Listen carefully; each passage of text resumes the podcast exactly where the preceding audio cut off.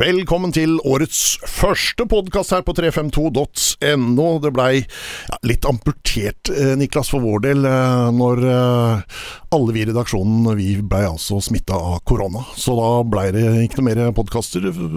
Så vi måtte hvile litt, rett og slett. Litt pjuske. Det er, det er lov, det. Når, Ja. man, når man får det å bli syk og og de tinga der, så det respekterer man. Så Ja. det, er, det er fint å se deg på, på beina, og du ser eh, noenlunde godt ut. Takk skal du ha, Niklas Gunnarsson, som er dagens gjest.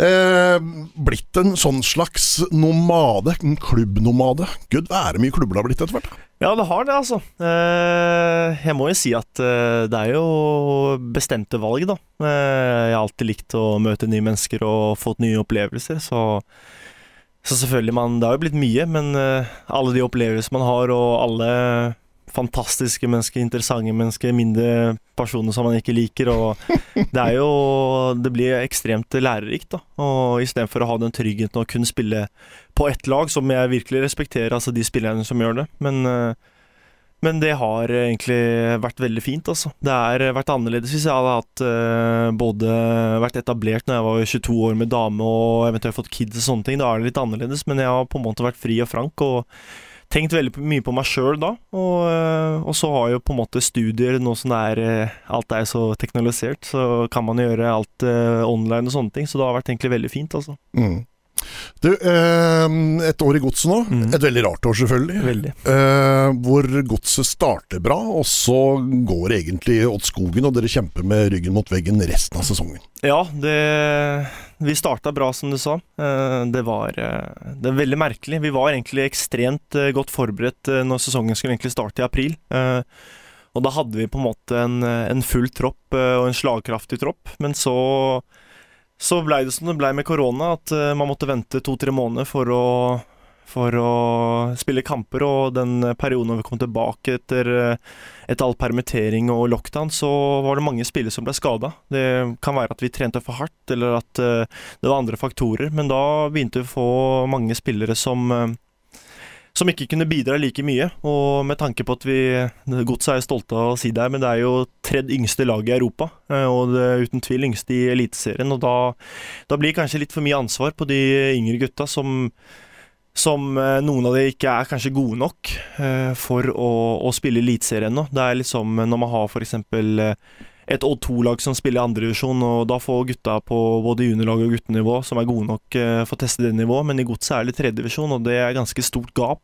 Eh, og da har det blitt mye, og det har vært mye rokeringer og mye småskavanker, så det har vært en sesong som eh, vi ikke er fornøyd med. Eh, man visste vel i bakhånd at man, de har jo hatt to sesonger før der de har kjempa om å holde plassen, eh, så det var jo veldig deilig å kunne avgjøre det, i hvert fall eh, før den siste kampen med Marienlyst på Stabæk. Eh, men det har ikke gått så bra som vi, vi håper på. Det, det er sikkert mange faktorer. Vi vet at vi har spilt god fotball, og folk liker å se på oss spille, men vi spiller jo en en type fotball som er veldig mye høyt press, og hvis ikke det funker, så vet jeg at uh, da kan vi bli sårbare. Og det har jo på en måte vist hele sesongen, at vi har sluppet uh, en god del mål, uh, og samtidig ikke skåret så mye mål som Godset pleier å gjøre, og da da har det blitt veldig vanskelig. Så det, det 2020-året får man bare legge i historiebøkene og håpe på et bedre 2021. Hvor deilig var det å slå Odd på Skagerrak Arena og berge plassen?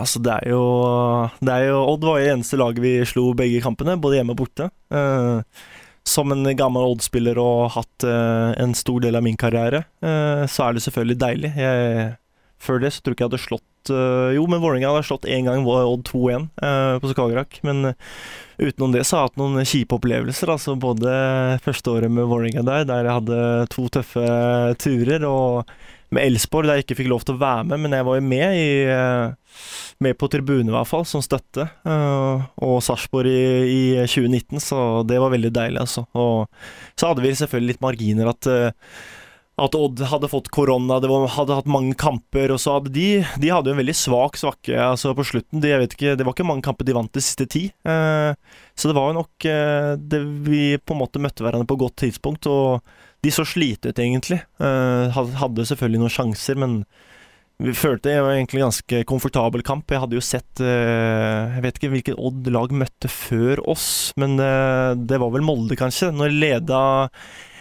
1-0 og, og slapp inn Mm. mye på slutten. Så, så det, man skjønte at den der eh, mentale boosten eller negativiteten de får etter en sånn kamp, det, det hjelper ikke også en mot KBK når de henter opp og, og taper på slutten Mm. Pellegrin Pellegrino putter. Så de hadde noen tøffe eh, opplevelser, og det, det passa også utmerket. Ja, det blei jo eh, ikke noen seire i det hele tatt eh, fra oktober eh, Nei, 4. november.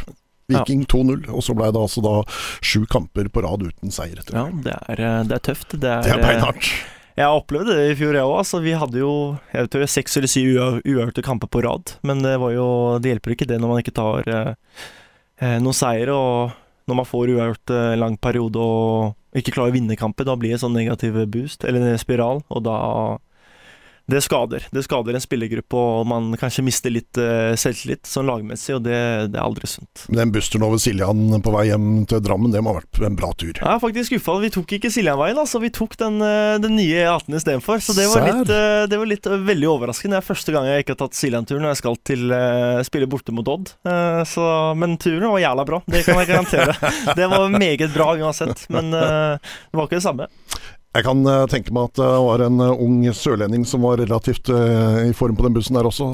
Følte det Ja, Salvesen hadde nok han eh, fikk en god dag. virkelig eh, vist sitt eh, potensial. Han er jo en bra fotballspiller. Han har et, eh, et meget interessant repertoar. Eh, At han er eh, sterk og rask og fysisk og gode ferdigheter både med høyre og venstre. Så det var viktig for oss han putta. Det, har vært, eh, det var en god del kamper han eh, ikke skårte, så det, det Alle lag trenger en spiss som kan skåre mål. Uh, Han spilte på Start 2 mot Hei, altså, eh, i tredjedivisjon. Men jeg vet i hvert fall han var i tredjedivisjon i start, så tror jeg han putta 60 eller 70 mål i tredjedivisjon det ene året der. Ja. Så det, det er i hvert fall det han sier, da. Men, uh, men han har hatt en veldig god etter tida i Sarpsborg. Så at var vi ekstremt god i siste halvdel av 2019. Og så bomma selvfølgelig en god del eh, i år, men han står jo med ti mål og syv assist, så han har vært en veldig viktig eh, brikke for oss. Men eh, selvfølgelig, det er jo Skulle ønske at alt, alle våre offensive spillere kunne skåre mer. Og det hadde jo hjulpet laget, ut ifra at vi har sluppet inn mye mål. Så satser på at det i år blir bedre. Det får vi satse på. Du, eh, det går rykter på bygda om at disse treningene deres er helt psyko under Henrik Pedersen. Er de så psyko og så harde som, som folk skal høre det? Altså Jeg kan bekrefte altså når jeg kom dit i fjor i, i februar, at uh, de første fire ukene det er noe av det verste jeg har opplevd. Altså. Det er liksom La oss si man har en oppvarming på 20 minutter, da, men, eh, og den kan være tøff, liksom. Men den teller ikke med i selve spilleøkta. Og de fleste økter var fra 1 time og 45 til 2 timer og 15, og da er liksom ikke oppvarminga med. Og det var mye løping, eh, mye høyt press. Og det er liksom en veldig krevende stil. og Det det her gegenpresset som man vil ha fra Tyskland. Eh, Så det har vært eh, ekstremt, og det er jo kanskje det som har vært en, en faktor, da. Av mange, selvfølgelig, men at det har vært mye småskavanker. Men det er ekstremt tøft, altså. Det er Jeg trodde ikke at det skulle være Hvis jeg skal sammenligne med tida i Djurgården, så var ikke vi i nærheten treningsmengde eh, enn hva vi hadde i Godset. Så det er, det er veldig gøy, altså. Men det er eh, det er tøft og krevende til tider, så det har vært mye, veldig mye tid på fysiobenken. Det, det kan jeg garantere, altså, med tanke på at vi har hatt en, en ganske liten spillestall i form av spillere som skal eh, spille kamper. Da. Vi har jo selvfølgelig hatt en 25-mannstropp, men det er jo ekstremt mye utviklingsspillere som har potensial, og så er det oss spillere som, som skal spille, da. og det, det har vært eh, krevende. Henrik Pedersen har da altså fått en hel sesong på seg nå. Eh, ikke helt lykkes med verken spillestil eller eh, Ja, får ikke resultatene. Kommer Henrik Pedersen til å lykkes i Norge? Ja, det tror jeg. Han, er en, eh, han er en veldig dyktig trener. Jeg må si det. Det er eh, en trener som eh, Han lever virkelig for fotball. Altså. Både alt han har med analyse, hvor mye, han hvor mye tid han legger, og hvor mye han vil sjøl, så er det ikke noe tvil om at han kommer til å ha en veldig veldig fin spille, altså spillerkarriere, trenerkarriere. Og og jeg, jeg tror at Vi starta som sagt bra den sesongen her, så jeg tror hvis vi kunne hatt litt uh, mer stolpe inn, da. Uh, med på å tenke på de syv uavgjorte kampene der vi leder alle syv. Eh, at, at, det da hadde vært sett veldig mye annerledes ut. da. Så det er Hvis man tenker sånn statistikkmessig, så er vi jo det laget etter Bodø og Molde som har flest mål, målsjanser offensivt. Vi har mest ball. Vi har mest ball på motstanders 20 meter. Så jeg mener det er jo ting som folk ikke tenker. Man, man ser ofte på resultatene, men uh, det er en veldig morsom fotball, og det er veldig lærerikt for både for meg sjøl og spesielt yngre gutter at uh, det er en ekstremt tøff hverdag, og han uh, utfordrer oss både eller veldig mye mentalt. Og jeg tenker for en ung gutt som har, som har ambisjoner å komme til utlandet, det, det, er en, det, er en, god læringsprosess med tanke på at når man kommer til bedre ligaer at det er folk tar ikke vare på deg på samme måte. Du har liksom ikke den her tryggheten, og det, det, det tror jeg at mange av de unge gutta kommer til å nyte godt av den dagen, eh, hvis de blir gode nok til å komme ut. da. Mm. Uh, elsker Leeds og Bjelsa, selvfølgelig. Ja. Henrik Pettersen. Ja, altså vi henta en fysisk trener fra Leeds. Aaron Horn, ekstremt dyktig fysisk trener. Så så ja, det er ikke noe tvil om og Hvis man har sett på Leeds, så er det en morsom fotball, men eh, man vet også at eh, de slipper inn mye mål. Eh, ganske likt sånn som oss, egentlig. Så det er Det går i bølger og daler, og det, det er sånn det er, egentlig. Men når det først funker, så da har man jo potensial å skåre fire og tre og fem og seks mål. Så det, så det er jo sånn fotballen er der. Mm. Uh, du er jo da godsespiller, men nå er altså da Espen Ruud ute fram til sommeren. Eh, og de mangler en stopper. Eh, går det an for meg å lansere deg som eh, ny Odd-spiller snart? Eh, nei, det tror jeg ikke. Eh, jeg det hadde, hadde vært perfekt nå? Ja, ja kanskje. Eh, men jeg, jeg, trives, jeg, trives, godt i godset, og, og, og jeg, jeg, føler at jeg kan utvikle meg veldig mye med Henrik, og jeg føler liksom jeg, ikke, jeg er ikke ferdig med det. Jeg snakka med Odd i, i fjor, i, mm. i, i, januar der. Både med Dag Eiliv, ringte meg vel, ja, veldig mange ganger, både i desember og januar. Og var veldig keen på en overgang, men uh, det tok litt tid, da. Så da var jeg litt sånn, tenkte jeg ja, da får jeg se på, på en måte de andre alternativene jeg hadde, og jeg fikk jo et, eh, et, tilbud av Odd. Men, men så gikk jo Dag Eiliv, og det var ikke noe klarhet der. så da, da ble det ikke noe av. Ehm, så, så, men samtidig så er jeg fornøyd med å ha vært i godset. Jeg har spilt alt, uh, så lenge jeg ikke har hatt uh, karantener. Ja, jeg fikk jo mye gule kort i, i, fjor, så det, vært, det var merkelig. Men, men Nei, jeg trives bra, så det, det blir nok ikke noe eh, Skien-retur på meg i 2021, men jeg syns det er veldig gøy at Jan Frode ha, fikk den sesongen. Kanskje ikke den slutten han ville ha, men ut ifra forutsetningene Odd hadde, så skal de være fornøyde. Uh, det syns jeg virkelig. Og det, jeg unner han alt godt. Jeg syns Frode er en, eh, en, fantastisk person, og han er uh, han er en av de få trenerne man har eh, en veldig fin eh, tone med egentlig hele tida eh, etter Godset-kampen, selv om Nei, eller ja, etter Odd-kampen, når, når, de tapte mot oss, både på Marienlyst og Skagerrak, så snakker vi sammen og prater med meg før kampen, og det er ikke alle trenere som gjør det, altså. Det er ikke sånn at Fagermo prata med meg før, før jeg kom til en tillit til jeg var på Marienlyst. Og det er jo selvfølgelig ulikt fra, ulik fra trener til trener. Noen er jo kanskje mer fokus på kamper, eller ikke vil prate med folk, men Jan Frode er en veldig varm person, og jeg tror nok eh, alle som kjenner Jan Frode, vet akkurat hva jeg prater om. Um, så jeg håper virkelig, og jeg tror det er bra for Odd òg, at uh, man signerer en ny kontrakt med han. En lengre kontrakt. Han har ett år igjen nå, så det, han, han er veldig bra, og han Ja, jeg, jeg syns at uh, Jeg syns Odd har spilt morsom fotball i år òg, når mm. det har funka med jeg syns Kosa og Kittelano har vært uh, veldig gode, og masse andre unge, unge spillere, så har man den, eh, den, eh, den eldste eller rutinerte stammen. Så det, det, har vært gøy å se på Odd. Altså, jeg har sett en del kamper, og det, det er morsomt. Mm. Uh, ja, du nevnte det sjøl, disse gule kortene. Hvis vi ser på um, statistikker her, sånn, så var det Philip Sinkernagel som uh, vant uh, poengligaen.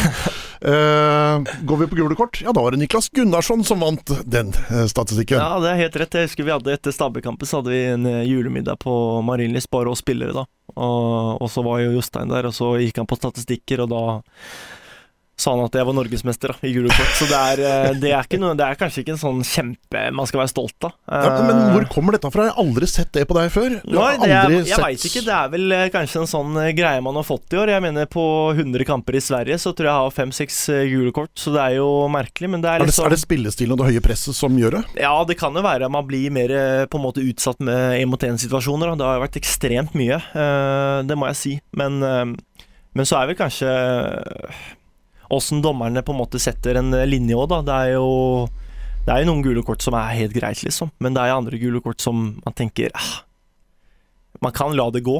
Uh, men så, så, har man fått det, da. Og da kommer man kanskje en sånn der uh, sånn uh, kinkig situasjon, uh, situasjon. Så det, det, har vært litt frustrerende å i hvert fall få tre karantene. Jeg trodde aldri det skulle Og nå får jo det ryktet òg, ikke sant? Det, det han, han, skal ha kort i dag. Ja, ja. og det er ikke sånn at det går Det er ikke sånn at man går med knottene først eller med sånne ting, men det er, det er sånn der noen taklinger sånn Jeg hadde mot Odd, da. Den er jo med elva, og da jeg kommer kanskje litt seint, men det er liksom midt på banen og treffer litt foten hans. Så jeg prata med Elba etter kampen. Han mente liksom at eh, det er frispark, det er greit, men at det er gul kort, liksom, det er, eh, det er veldig strengt, altså. Men eh, jeg får bare lære av det og, og, og ikke gjøre det. Men jeg tenker sånn ja, I både Sverige og, og, ikke minst Skottland så hadde det aldri blitt Jeg føler ikke at jeg, jeg føler jeg var verre i Skottland i sommer, og da fikk jeg enda færre kort. Så det, jeg veit ikke. Det, det er uh, en annen type.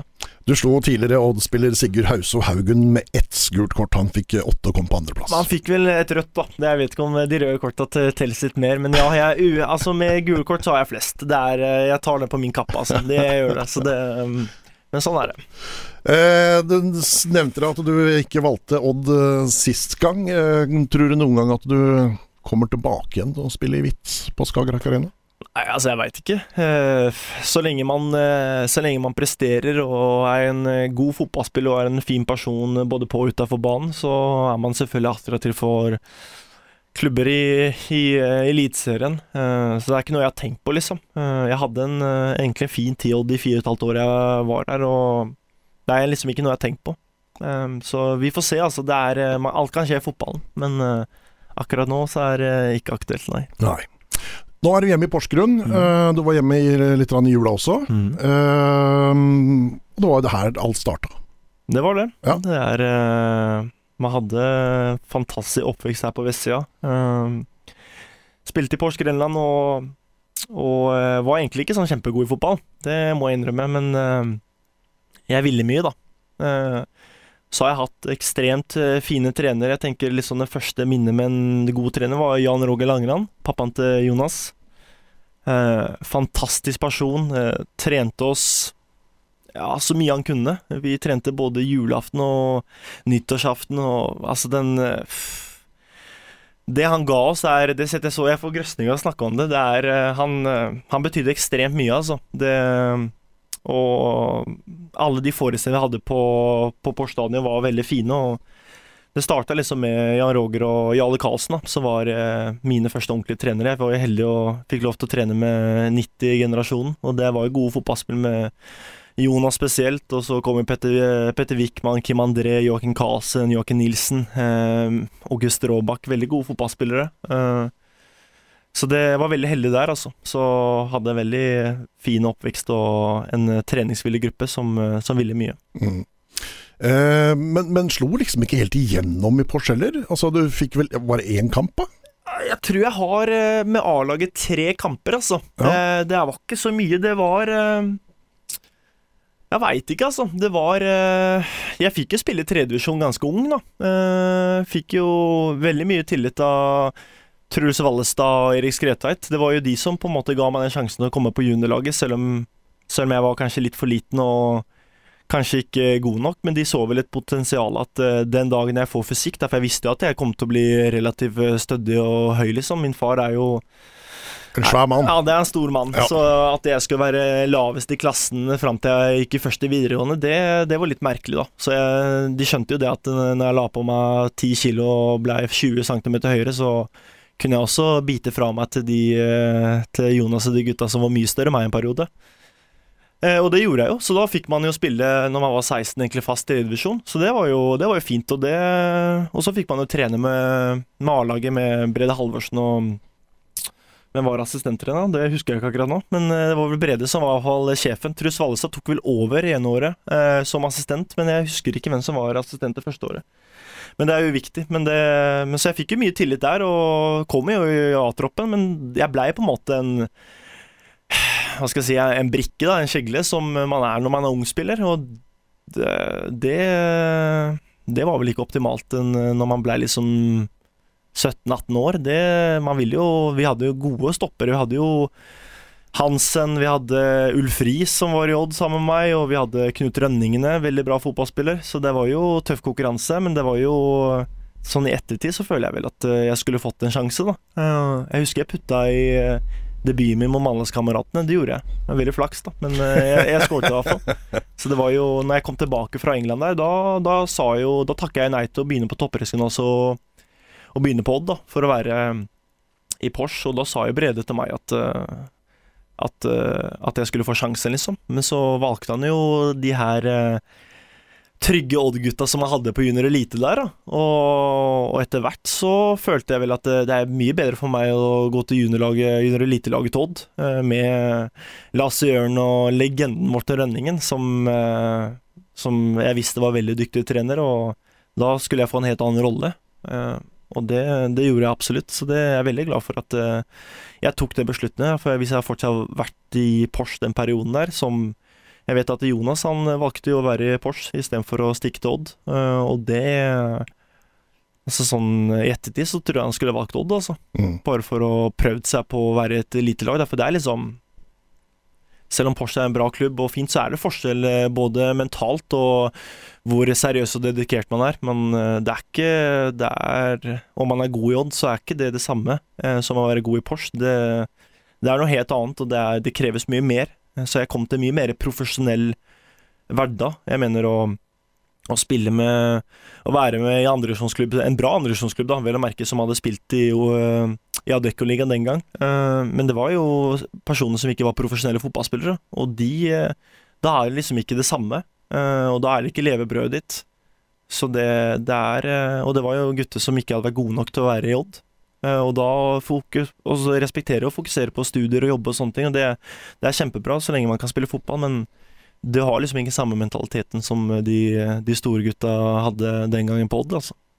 Så får du da altså sjansen, den sjansen som alle fotballspillere går og drømmer om som guttunge, å få lov til å komme seg til England og spille fotball. Ja. Walsall i league one. Ja, det, det stemmer. Hvordan i alle dager skjedde dette? Var på en, eh, var, eh, hadde konfirmasjon, så fikk jeg en konfirmasjonspresang av pappa og være på sånn norsk fotballakademi en uke. Og være med engelske trenere som hadde vært i gode klubber. og vi var en bra gjeng der. Vi hadde jo Herul Nishala der, og Espen Standa, som har spilt i Eliteser, og Thomas Grøger var med, så det var masse gode fotballspillere der. Og så fikk man å spille mot uh, kule lag, da. Man spilte mot Crystal Palace, Wolverhampton, vi spilte mot Rangers og sånne ting. det var mye, mye, kamper på en kort periode. da. Ja, men så gjorde jeg det bra der, meg og Petter Wickman. og så fikk vi plutselig tilbud om å komme en uke i februar til, til Åsål, da. Og så var vi gode den uka der, og så ble vi invitert igjen på å komme en oppkjøring da, en måned. Og så, så var man der en måned, og da endte vel med at eh, Eller det endte jo med at jeg fikk kontrakt. Uh, dessverre så fikk ikke Petter, og det, er litt, uh, det har vært lettere for meg å ha hatt han der. For det var ikke, det var ikke fryd og gammen å komme i den garderoben der. Altså, det var fra Trygge Porsche til, til Walt, så det var natt og dag, altså. Så det, da sleit jeg litt, men ja, For du trivdes egentlig ikke noe særlig i England? Nei, jeg gjorde ikke det. altså. Det, var, det er vel eneste gang i livet at jeg har hatt prestasjonsangst. Jeg fikk jo, fikk jo trene med A-laget to ganger i uka, og gjorde det i en tomånedersperiode, og det var jo ekstremt. Det var jo spillere som hadde Premier League-erfaring og championship-erfaring, og vi hadde jo fetteren til Steven Gerrard der. Han er vel kaptein i Cardiff i dag, så god spiller. Uh, men uh, ja, det funka ikke, altså. Jeg var, var nervøs av treninger. Og det var liksom ikke like gøy å trene. Og det er liksom å slutte på skolen ikke ha på en måte noe omkrets. Flytte til en vertsfamilie. Den første var ikke bra, den andre var veldig fin. Uh, og var nærme liksom Bescott Stadium, så det var deilig. Men det var ikke det samme, og etter hvert så, så følte jeg liksom det var bedre for meg å på en måte avbryte. Uh, ja, klubben gikk jo konk, rett og ja, slett? Men, ja, gikk jo konk, men det er liksom det er klubben Klubben spilte jo fortsatt i League One og spiller i League Two i dag, så det var jo mange år i League One. Og jeg mener, hvis du husker Will Grigg Han, han spilte Will med Griggs on fire. Ja, det stemmer. Han spilte med James Patterson har jo spilt masse år i Nottingham Forest. Det var jo gode spillere der. Så de sa jo til meg at jeg kunne fortsette, men jeg følte liksom at At, at det var bedre å terminere og på en måte komme tilbake. Men så kom jo etter at jeg hadde fått sparken, og det, det kan jeg bekrefte her og nå, tolv år etterpå. Det, det, fikk jeg aldri. Det var eh, mer at de At jeg ville egentlig vekk, altså. Det var jo Altså, jeg spilte jo alt på akademiet. Jeg, jeg spilte reserveskamper. Jeg spilte med Troy Dini, han er kaptein i Watford i dag. Så jeg mener det Spilletid fikk jeg, og fikk jeg trene med A-laget. Så de på en måte hadde en viss plan for meg. Så om jeg har vært god nok eller ikke, det, det er noe annet. Men uh, de, alle de tinga de sa de skulle gi meg, det, det ga de meg, liksom. Men så går jo da litt rykter rundt det også, at du egentlig nesten var klar for Stoke? Ja, altså etter etter jeg sa at jeg ville terminere kontrakten med, med Walsall, så spilte vi en akademikamp mot Jeg husker ikke hvilket lag det var. Altså om det var om det var Stockport eller Wiggen. Det var i hvert fall en bortekamp. Uh, og da gjorde jeg det bra. Og så hadde en speider sett, sett det, og da, da, sa de at jeg kunne komme og trene en uke. Uh, så da fikk man jo Fikk spille mot Derby med akademi der, og og gjorde egentlig ganske greit. Uh, og det var jo fett å liksom være på motsatt bane til Ryan Shawcross og Roy DeLapp og de her gigantmonstrene, liksom. De var uh, Faye og de gutta. Fy faen, for noen fysiske beist det var. Det var liksom lille meg, og så ser man uh, Shawcross og Faye komme der i 95 og maskiner. Så det var, um, opplevelse, det. Men uh, det ble ikke noen kontrakt der. Det ble det ikke. Uh, men jeg hadde egentlig bestemt meg for uansett om jeg hadde fått det eller ikke. Eh, så hadde jeg Jeg ville hjem, liksom. Mm. Eh, så det den, den, uka jeg var der, var en veldig fin opplevelse. Eh, jeg husker den første gangen på Når jeg møtte opp på Britannia Stadium, skulle bli henta av akademitrener, så sitter jeg i resepsjonen der, så kommer Mr. Tony Pulis, og så bare sa hei, liksom. Og det var en, det var en fet opplevelse. Det er liksom Premier League-trener som, som har som sier hei, da. Det er ikke, det er ikke alle Premier League-trenere som, eh, som, gjør det, tror jeg. Ute, nå har ikke jeg noe engelsk eh, erfaring med det, men uh, hva han akademisjefen sa, liksom, det her er en av de mest jordnære menneskene kom til å møte. Hvis det her hadde vært en annen trener, så hadde han bare gått rett forbi deg, liksom. Så det var en um, fin opplevelse. Kult. Veldig kult. Men da bestemmer du deg du vil hjem. Ja, jeg slutta på fotball. Og, og flytte, flytte, hjem på gutterommet? Ja, jeg, jeg, reiste tilbake til uh, mamma og pappa på vestsida. Det var deilig, altså. Jeg husker jeg, når jeg kom hjem der i slutten av desember. Eneste minuset er at vi før jeg reiste, så spilte jeg siste kamp mot Barnsley uh, i FA Youth Cup. Og den vant vi 3-2, og da skulle vi møte Chelsea. Og da skulle møte den elveren Chelsea starta med med den eh, femte runde i FA-cupen. Det var 11 millioner pund, da. Og du tenker det i 2008. 11 millioner pund for akademispillere, det, det er en kjedelig opplevelse. Det at man ikke fikk uh, være en del av det. Men vi tapte kampen, da. Det hadde vi uansett gjort om jeg hadde vært med eller ikke. Det er Ikke misforstå. Men uh, opplevelsen å være på anlegget til Chelsea og sånne ting, og kunne spille en sånn kamp, det det har vært kult, men uh, sånn ble det ikke. Men, uh, men, jeg var veldig glad for å komme hjem igjen, og da Når jeg kom hjem, da, så måtte jeg vente et halvt år og, og begynne med skole. Jeg fikk jo som sagt tilbud og Jeg trente med Odd i januar, uh, med A-laget der, og så en uke, og da fikk jeg tilbud å begynne med toppidrett og hospitere med A-laget, da. Men jeg følte liksom at jeg var litt drittlei fotball, um, så jeg slutta i to måneder.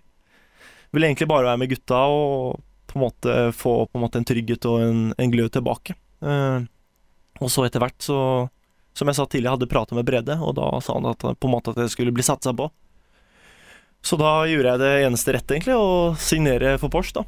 Eller signere. Jeg, jeg, gikk dit, da. Jeg ville ikke skrive noen kontrakt, for jeg ville ikke låse meg eller binde meg til klubben. Uh, men uh, jeg var i hvert fall en del av Porsche, og det fikk jeg møte Langeland og og Petter Wickman og de gutta som uh, har betydd mye for min oppvekst. Da. Mm. Uh, så det var, eh, det var, deilig, det. Men så, fem måneder seinere, da, da, begynte jeg på toppidrett og, og, gikk til Odd.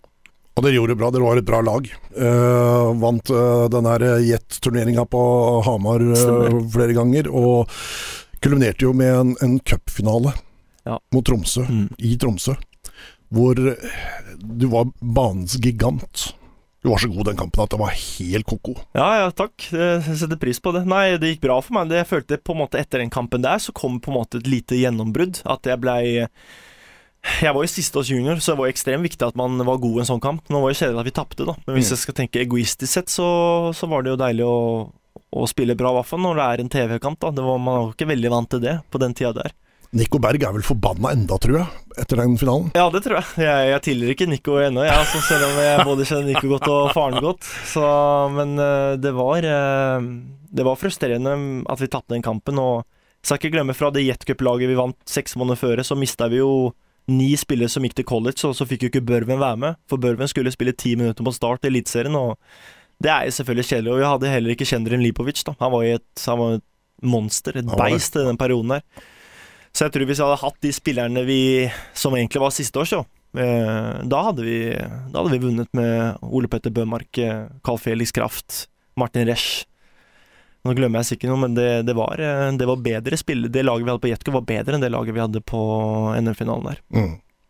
Chendrim har egentlig fått for lite ut av karrieren sin, syns jeg. Ja, jeg syns det er Altså, jeg fikk jo kontrakt, Mod, så Jeg trodde han kom til å bli god, altså. Ja, jeg trodde han skulle bli veldig god. Han hadde denne her eh, krierinnstillingen, så hadde han eh, gode ferdigheter med ballen. Så det var, eh, det var veldig synd, men akkurat den perioden når Sindrum kom opp, så, så hadde, da hadde Korovic, en av mine beste kompiser, Oldrup, de var yngre, og da hadde gitt i kontrakt, og da blir det kanskje vanskelig å ha enda en eh, en juniorspiller som får proffkontrakt. Mm. Så det, han var litt uheldig der. Og så Hva skal Dejan gjøre nå, forresten? Han fikk vel uh, ikke forlenga kontrakt i Arendal? Nei, hva jeg, jeg veit ikke. Jeg prata med Dejan, han var litt sånn hemmelighetsfull. Jeg vet ikke, Det er en klubb han har signa for, men uh, han sa at det var litt hysje stønne, så jeg kan ikke si det, dessverre. Men, uh, så det er eh, Han kommer til kom til å spille fotball, han, altså. Gjør han. Men eh, ikke, ikke like bra som han har gjort de siste åra, nei. Du var jo en veldig populær gutt spådd, og blei jo da også mm, signert av supporterne. Eh, rett og slett. Uh, dette Min spiller-prosjektet som de hadde der oppe. Uh, hvordan var den følelsen? Nei, altså, det var eh, Det er en ære, det. Eh, Odd sleit jo med økonomien, og så, kom, eh, så tok de vel egentlig det konseptet der fra Brann. Derfor Brann hadde egentlig hatt samme opplegg med en annen spiller noen år før. Og Fagermo gikk i bresjen, og masse andre mennesker rundt, og, rundt klubben som bidro veldig. Så det setter jeg stor pris på, at, eh, at jeg, jeg kunne få den muligheten. Men samtidig så måtte egentlig Odd gjøre det, for jeg hadde jo fått tilbud både fra Tromsø og Hønefoss. Eh, og jeg sa egentlig klart at jeg kan jo ikke være her hvis jeg ikke har kontrakt. Eh, det var jo Kjendri eh, aksepterte det, å trene med Odd med A-laget, men ikke ha på en måte være en fullverdig A-lagsmedlem. Eh, og så det, det de måtte gjøre noe, og, men samtidig så setter jeg pris på alle de menneskene som bidro på en måte å gi meg muligheten å få kontrakt. da. Eh, så Men det var jo sånn det egentlig Og det var egentlig hovedgrunnen, at eh, Odd Og det var jo ikke sånn voldsom kontrakt man skulle ha når man var eh, 20 år. Det, det, er ikke, det er ikke noe å skryte av, men, eh, men, eh, men det, var, det var nødvendig. Eh, så kommer du inn på laget. Eh, eh, husker du debuten din, forresten? Ja, det husker jeg. Det var ikke, ikke en god opplevelse. Det, det, var, det var Sogndal, det. Fredrik Sem eh, fikk en skade. Ja, Med en gang, nesten. Etter ti minutter eller noe Ja. sånt. da. Det var jo både han og Lekven som gikk ut den kampen. Eh, og det Vi starta egentlig ganske bra. Så vi hadde Jeg husker Frode Johnsen hadde en, eh, en, eh, en heading i, i tverra, og vi dominerte egentlig de første 40 minuttene, men så klarer han eh, Flo å få en ball i mål, og så vet jeg ikke om det var total Jeg vet ikke hva som skjedde, men det var, det var ikke samme selvtillit som kom ut i andre omgangen. Og vi tapte jo 4-0. Mm. Jeg vet ikke om jeg er kjempeinvolvert i Kanskje er involvert i ett av baklengsmålene der jeg kunne gjort noe bedre, men de tre andre er litt uh, vanskelig, hvis jeg ikke husker feil. Eh, men det var ikke noe god opplevelse, det var det ikke. Men eh, da fikk man få teste. Eh, men, så det var ikke noe Det var ikke sånn pangstart, det var ikke. Det, men mister man Fredrik og, og Magnus og satte inn meg og jeg vet ikke om det var Oldrup eller noe som kom inn, som ikke hadde, som hadde eliteseriebakgrunn, som heller ikke hadde spist så mange treningskamper, da, da ble det tøft, altså. Skal vi se hvem andre var som kom inn der sånn. Uh, Sjala. Sjala, ja. Det var Herolin istedenfor uh, Fredrik, ja. Ja. Da hadde vi ikke så mye erfaring, og, da, og når de får både 1 og 2-0 og Hvis jeg ikke husker feil, så vet jeg at Sogndal var fryktelig bra de ti første kampene. Med Ørjan Hopen on fire og Furubotn og Flo og de Gustav Walsvik, ikke minst. Så det, de var gode den perioden der. Så det Men tre skåringer på ni minutter her i andre omgang, den var eh, blytung. Ja, den var, den var veldig tung, altså. Det, var ikke, det var ikke en bra opplevelse, men ja. man fikk i hvert fall sin debut, da. Så fikk uh, fortere enn hva man hadde forventa. Så kom det som et sjokk, da. Der eh, Sem blir skada, hva så, ni minutter? Ni, min ja, så, han ble ni minutter, og så kom du inn etter tolv. Ja, Så det, var ikke lang oppvarming heller. Så jeg var jo, hadde høy puls og var nervøs, da. Så jeg tror hvis Frode hadde putta på det headinga, så tror jeg kampen hadde gått veldig annerledes. Du vet, når man scorer etter 44 Du har jo det- holdt på med fotball lenger enn meg, så det er jo slippe målene i slutten av første gang. Det er, det er noe mentalt Ja. som, eh, som skurrer litt, og i hvert fall når man har så mange unggutter på banen som vi hadde da. Så Mm. det er eh, Nei, det var kjedelig. Det var uh... Men du spilte altså da mellom to klubblegender, altså Steffen Hagen på den ene sida og, og Morten Fevang på den andre. Ja. Er, det er greit å ha sånne rundt seg når man først skal debutere, da. Ja, det er ikke noe tvil om at man, når man fikk trene Modd først, og, og være en, en del av eh, garderoben til eh, Morten Fevang Fantastisk eh, person og en fryktelig god fotballspiller. Eh, og Steffen, som har blitt en legende nå, og har vært en bærebjelke i ja, veldig, veldig mange år. Så det er fine typer. To veldig ulike typer, eh, men veldig hyggelige. Og Det er, vel bare, det er vel bare Fevang som har klart å slå dine ni gule, vel, i, uh, Ja, det er det tidene. sikkert. Han har, eh, han har noen brutale taklinger. Altså, jeg vet han, eh, han, han tok en Bodø-Glimt-spiller i en treningskamp for noen år siden. Det var stort Han gjorde ikke med vilje eller noe, men det ble en stor greie i Norge. Altså. Mm. Så det var, han var tøffing, han. Han la ikke noe mellom om det var en unggutt eller en etablert spiller. Husker du den siste kampen du spilte? Ja, da fikk jeg rødt kort. Ja. Det er helt rett. Det var, eh, det var mot Sarpsborg, 2-2. Ja, ja. Det, det stemmer. To gule kort eh, raskt i andre omgangen der. Mm. Det var ikke Men kampen før det så hadde jeg vel putta. Var ikke det mot Sandnes Ulf? Det kan godt hende. Ja. Eh, Skal vi se om vi kan få fram Ja, der skåra mot Sandnes Ulf i, uh, i Sandnes. Ja.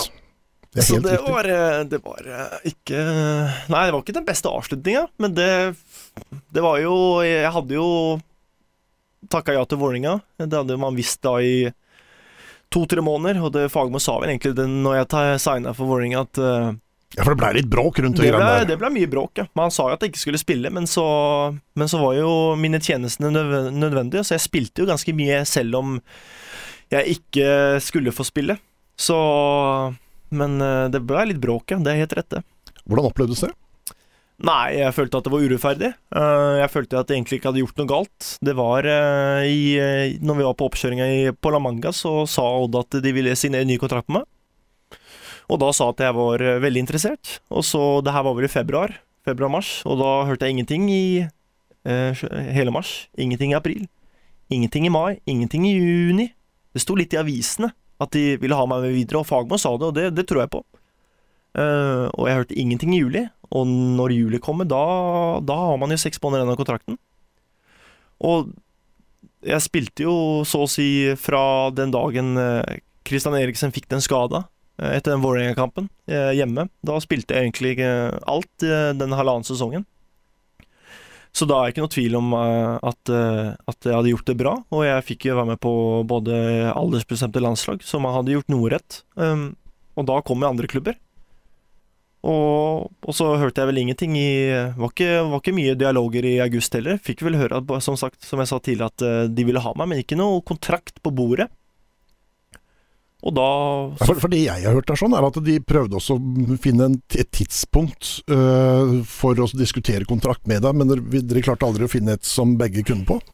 Altså, jeg vet ikke. En tidspunkt på en kontrakt det er vel Hvis det er en klubb har lyst på en spiller, så sier man vel bare, eh, hvis man er sportssjef eller trener, at ja, du kommer på kontoret nå, og så gir vi deg et tilbud, og så har du et tidspunkt på å svare ja eller nei på det. Og det du Sånn i ettertid, så Hvis jeg hadde fått beskjed av, eh, av sjefen sjøl at jeg skulle komme på kontoret, så da nå tror jeg du kjenner meg såpass bra. Jeg sier ikke nei, jeg vet ikke om jeg har tid da. Jeg vet Mhm. ikke om jeg har tid på tre, fire, fem måneder. Det vet jeg ikke. Eh, sånn type er ikke jeg. jeg. Jeg hadde gått opp på kontoret og, og fått et eh, Hvis jeg hadde fått et kontraktforslag, så hadde jeg jo tatt stilling til det. Men jeg fikk jo ikke noe kont- kontraktforslag. Det var jo etter Vålerenga-ryktene kom. Jeg fikk jo både tilbud fra Vålerenga og Viking. Eh, og når Odd fikk høre at jeg hadde fått tilbud av de, da kom det forslag. Eh, men da hadde jo gått Da var vi jo i eh, august-september. Så, så da følte jeg at det var urettferdig at det sto i avisa at, eh, at jeg ikke hadde på en måte sagt ifra. De hadde jo seks måneder på seg å gi meg et tilbud, og hvis de ikke gir meg et tilbud, og gir meg, først gir meg et tilbud når jeg har fått et tilbud fra en annen klubb, hva skal man, hva skal man gjøre hvis man er en hvis man er vanlig ansatt, og hvis du får et tilbud fra annet sted, så vet du jo etter hvert så får de, din arbeidsgiver høre om det, og så kommer jo sikkert de med et eh, Skal de ha en dialog med deg? Og det, men så ble det styr, da. Det er jo, da tar jo kanskje avisene på en måte eh, sida til klubben, da. Eh, som ikke er uvanlig, og det respekterer jeg, men at det skal bli kalt Judas og sånne ting, det var jo ekstremt. Det var jo Fagmo forbanna, og sto masse greier i avisa som han uttalte seg om. Eh, håndlykken var forbanna og skuffa, og slang med leppa i avisene. Ja, men det er så det er, altså det er følelser. Det, jeg, har ikke, jeg, har ikke, noe dårlig forhold til uh, Dag Eile siden han gjorde det. Det er ikke første gang han har uh, kommet kommentarer. Han har jo både gjort det med Fredrik Sem da han valgte Molde, det husker jeg på podkasten snakka om. Han har gjort det med Elbasan Rashani, det har vært Oldrup da han var usikker om han skulle komme til, uh, tilbake til Odd. det er masse spillere, altså. Og det, jeg er vel ikke den første spilleren som da har kommet sånne ting som jeg, jeg nevner nå. Så det det, det, er greit, det. Jeg har ikke noe, har ikke noe imot det. det er, så lenge det er fotball, det er følelser. Det, så lenge man, man respekterer hverandre etterpå, så er det greit. Og så er det Vålerenga, stor klubb. Det er Oslo, stor by med masse fasiliteter, som jeg vet du liker godt. Ja. Eh, store byer og det de har å tilby. Eh, kjempegod førstesesong i Vålerenga. Ja, jeg fikk, eh, hadde karantene i én kamp, og så spilte jeg de andre geni fra, fra start. Eh, bra år. Vi kom på Jeg husker ikke om vi kom på femte eller sjetteplass, med ganske nytt lag. Vi henta jo en, en, ikke ukjent nå, men en ukjent Vidar Kjartason da. Eh, en ukjent Gya Zaid hadde jo vært eh, som på en måte eksploderte det året der. Eh, så vi hadde et veldig godt lag, men vi venter på femte-sjetteplass, så det, det, var litt synd. Så kom egentlig andre året der. Uh, starta egentlig bra altså, i Eliteserien. Jeg tror første elleve kampene så tror jeg to mål og tre assist, så det er bra, det som back. Uh, men så kom det en cupkamp som vi snakka om. Vi, vi, taper jo, det er vel Gjøvik-Lyn. og da er vel Vi taper 1-0. Vi slipper en mål på frispark. Og uh, etter den kampen der, da, da ble det ikke mye spilletid. og det blei Det var vel fire spillere som fikk spille lite etter det. Det var vel meg, det var Sivert Helte Nilsen, det var eh, Mikael Langer, og det var eh, Ruben Kristiansen. Eh, så da Da skjønte jeg vel at når, hvis man spiller ja, 50 kamper fra start, og så plutselig så skal man ikke spille, da, da, da må man bytte. Og det, selv om jeg bodde i Oslo og hadde familie der og trivdes bra, så, så er jeg på en måte ikke redd for å prøve noe nytt. Da. Og ja, Men hva skjedde? Hva, sa Reka noe, eller? For det var Reka som var trener da? Ja, Det var vel at det var en eh, Vi hadde jo vært så gode Vi var jo på treplass eller tre eller andreplass i Eliteserien. Uh, og så taper vi mot Gjøvik-Lyn, og det skal vi selvfølgelig ikke gjøre. Uh, den kampen der så stilte vi jo et ganske slagkraftig mannskap med Danne Bråten, Morten Berre, Herman Stenger, Gyas. Så vi hadde jo Det var mange spillere som At vi, altså, vi skulle spilt mye bedre, da. Men da var det vel at vi hadde en eh, snakk i garderoben, og så sa folk eh, hva de mente, og, og, da kan det være at man sa eh, noen ting som ikke var eh, populært. Jeg husker ikke hva jeg sa, det, det er ikke noe å ta opp, men det men som sagt, fotball er følelser igjen, da. Og, og, det var kjipt der og da når man ikke fikk spille for Vålerenga, for jeg trivdes utrolig bra. Um, og Oslo er en fantastisk fin by. Uh, men samtidig, selv om man ikke fikk spille og man ikke fikk den tilliten mer, da, så satte det ikke noe stoppe for at jeg skulle gå på lån et annet sted. Det er mange andre klubber som som hadde gjort det, liksom. Det er bare nei, du skal være her og på, på en måte råtne på benken og spille andredivisjon.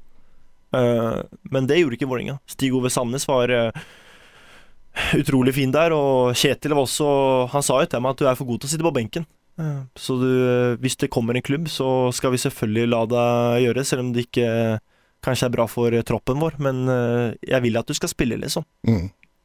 Så det, det syns jeg var bra gjort. Og i ettertid så har jeg god dialog med Kjetil. Han sendte meg både melding når jeg gikk til Sarpsborg og til Gods, og hatt litt dialog med ham, så er, eh, vi skal være opp, vi, altså. Mm. Eh, men da gikk jo ferden til Elsborg, da, som jeg er veldig glad for. Til Knalleland! til eh, Knalleland og Bollebyen og hele pakka. Det er, eh, hvis man kommer som dans til Borås, det er ikke Man må jo tro at det er et sånt galehus. Ja, men dere hadde jo dansk keeper. Ja, vi hadde Kevin Sture Elegard. Eh, Han må jo ha ledd seg når han forklarte hjemme hva alt het der. ja, altså Han sa til meg at eh, når han kom dit første uka med familie og sånne ting, så trodde, trodde kona at det var kødd. Det bare, Hva er det her for sted? ja. kan ikke kalle ting sånn det her. Knalleland-tribunen heter det, faktisk ja, den der, det er altså. helt rett. Så det er um, det Altså, som jeg sa, det, Det er vilt. det er helt vilt, men det er eh, Ja, de mener ikke det danske betydelsen, da, heldigvis, men eh, det er eh, Ja, det, var- det er spesielt. Hvordan var det å, å spille for Elfsborg? Tida der. Det var uh, veldig bra. Uh, utrolig bra lag. Kjempa om å vinne SM-gull. De var vel på andre-tredjeplass da jeg kom. Hadde legende Anders Svensson, hadde Henny Haugen var på sitt beste. Viktor Claesson, Krasnodar, Samuel Holmén, Asse Sebastian Holmén. Altså, det var helt sinnssykt lag. Altså, det var eh, Det var en kjempeopplevelse. Fikk eh, masse tillit av Magnus Haglund. Eh, Haglund, sorry. Eh, Så det var, eh, det var veldig gøy altså, å spille i Sverige. Det var noe helt annet. Og bare, jeg husker første starten min var mot Hammarby borte. Å komme til Tele2 da. Aldri hadde vært der. Aldri vært i Stockholm. Å spille om foran jeg vet ikke, 25 000-30 000, det var Det var stort, altså. Så 0-0 den kampen der. Eh, meget god start, må man si. Man vil jo helst holde nullen, om i hvert fall første kampen. Så det var eh, Ja, det var veldig bra, altså. Men ikke involvert i Odd sine kamper eh, der borte. Nei, dessverre. Jeg vet jo, når jeg kom, det er litt sånn, litt sånn funny at eh, når jeg kjørte til Borås, så hadde Odd spilt mot Elsborg, og Elsborg vant vel den kampen 2-1, hvis jeg ikke husker feil, på Borås Arena. Og når, vi, når meg og pappa er på vei til eh, Borås, da, så møter vi Odd-bussen på motsatt eh, side av veien. Så det er litt eh, Det var litt spesielt, da. Så, og det er veldig spesielt når den første kampen man går til et, et utenlandslag, da, så er det den første kampen man skal Jeg fikk ikke å være i troppen pga. at de hadde ikke papirene var ikke sendt inn, så jeg var på en måte Europa League eller Europa League-troppen, men jeg fikk lov til å være med. da. Det var spesielt å komme til Skagerrak Arena og bli henta på Sandefjord flyplass med, i Odd-bussen. sånn som har tatt så mange år. Der, jeg tar den plassen her, der har jeg sittet før. Så det, nei, det var fint, det. Selv om vi tapte kampen 2-0. Det var vel fortjent uh, at Odd vant, men, uh, men uh, sånn er det. Mm. I den perioden der sånn, så spiller du en god del eh, U23-kamper. Mm. Hvordan eh, var den opplevelsen, å få litt flagget på brystet? Nei, altså, det var en, eh, det var en ny opplevelse, det. Det er fryktelig mange gode fotballspillere. Eh, og eh, fikk ha Knut Hørum som landslagstrener. Det var, det var veldig gøy. Og det er alltid, alltid på en måte stort å spille med hva skal jeg si, flagget på brystet, Mhm. som, eh, som folk liker å kalle det. Og, det og, og liksom være med ulike spillere fra ulike lag og høre åssen det er. Altså egentlig de samme problemene og dilemmaene i alle klubber. Um, men å bare lære å kjenne nye personer og møte internasjonal motstand, det er, eh, det er fett. Så jeg fikk noen kule kamper både mot Italia, Tyrkia, Slovakia osv. Så det var Masse grenlandsfolk på laget også. Ja, det var det. Og det, det er altså Vi fra Grenland, det er Nå er jeg født i Tønsberg, men jeg vil jo si eh, Siden jeg har vært der veldig lenge i mitt liv, så føler jeg at det er en telemarking. At det er veldig mye gode fotballspillere. Emil Oldrup Jensen, Elbasan, Herolin, Fredrikshem selvfølgelig, og med mange andre. Så det er, eh, det er mye Grener kan være stolte av. Har fått masse gode fotballspillere opp og fram. Mm. Men det må ha vært en fin opplevelse å få lov til å være med på dette. Ja, ja, altså det er å bare få, få landskamper, det er, eh, det er gøy det, altså. Og da får jo spille mot eh, Når man er på den alderen der, så får man jo spille mot eh, spillere som er veldig gode. Ikke bare talentfulle, men spille på gode lag.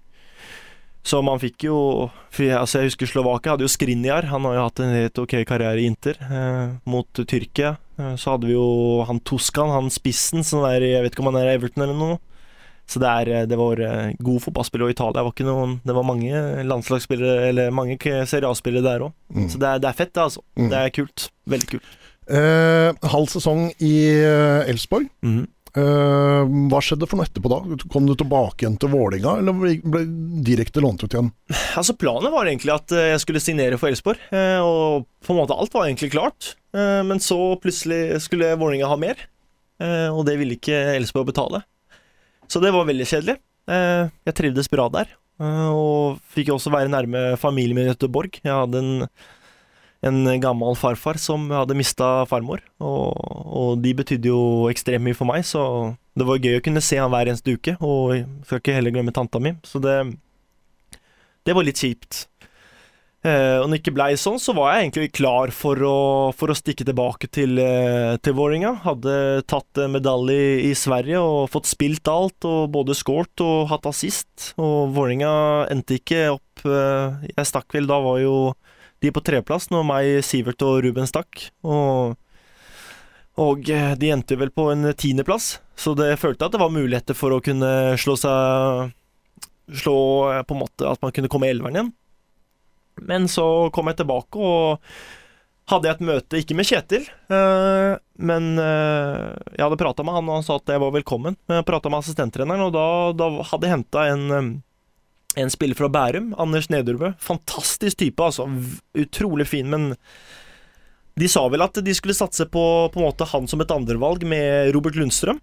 Eh, og, og, da følte jeg liksom at eh, hvis jeg har akkurat hatt medalje og spilt alltid alle de kampene jeg kunne gjøre i Allsvenskan, så er jeg ikke engang et andrevalg eh, mot en spiller med alder. Spiller på Bærum fotball, men som bare hadde spilt Obos-ligaen hele karrieren. Da, da, følte jeg at det er, da er langt bak, altså. Og da, da, var det ganske klart og tydelig. Men så pratet jeg ettertid med Kjetil om det var om det var sånn det var, men eh, så det, han mente at det var, hadde skjedd en misforståelse, at det ikke skulle bli sagt.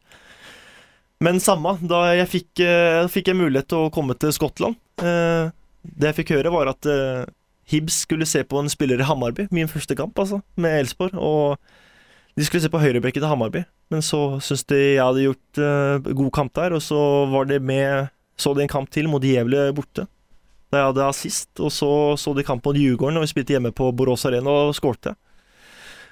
Og da, da plutselig ville de ha meg. Og jeg tenkte OK, det, det er, de er midt i sesong. Aldri optimalt å komme til lag midt i sesong når man har hatt ferie. Eh, men de har eh, Alan Stubbs som trener. Eh, Everton-legende, Celtic-legende, Bolton-legende. fantastisk god fotballspiller som vi har med. Og, og, jeg føler at det er en kjempeopplevelse. Det er jo en, en stor klubb i Skottland. Du har jo selvfølgelig Celtic og Rangers, som er de to gigantene, selvfølgelig. Men så etter det så har man jo Hibs, du har Hearts og Aberdeen. Uh, fantastisk eh, fin arena, Easter Road. Uh, fullsatt nesten hver eneste kamp. Kulturen og religionen i, i, i Skottland. Og eh, treningsanlegget var akkurat nytt. Syv eh, millioner pund. Hadde åtte gressmatter, en kunstgressbane, hadde basseng i motstrøm, hadde alt man kunne drømme om.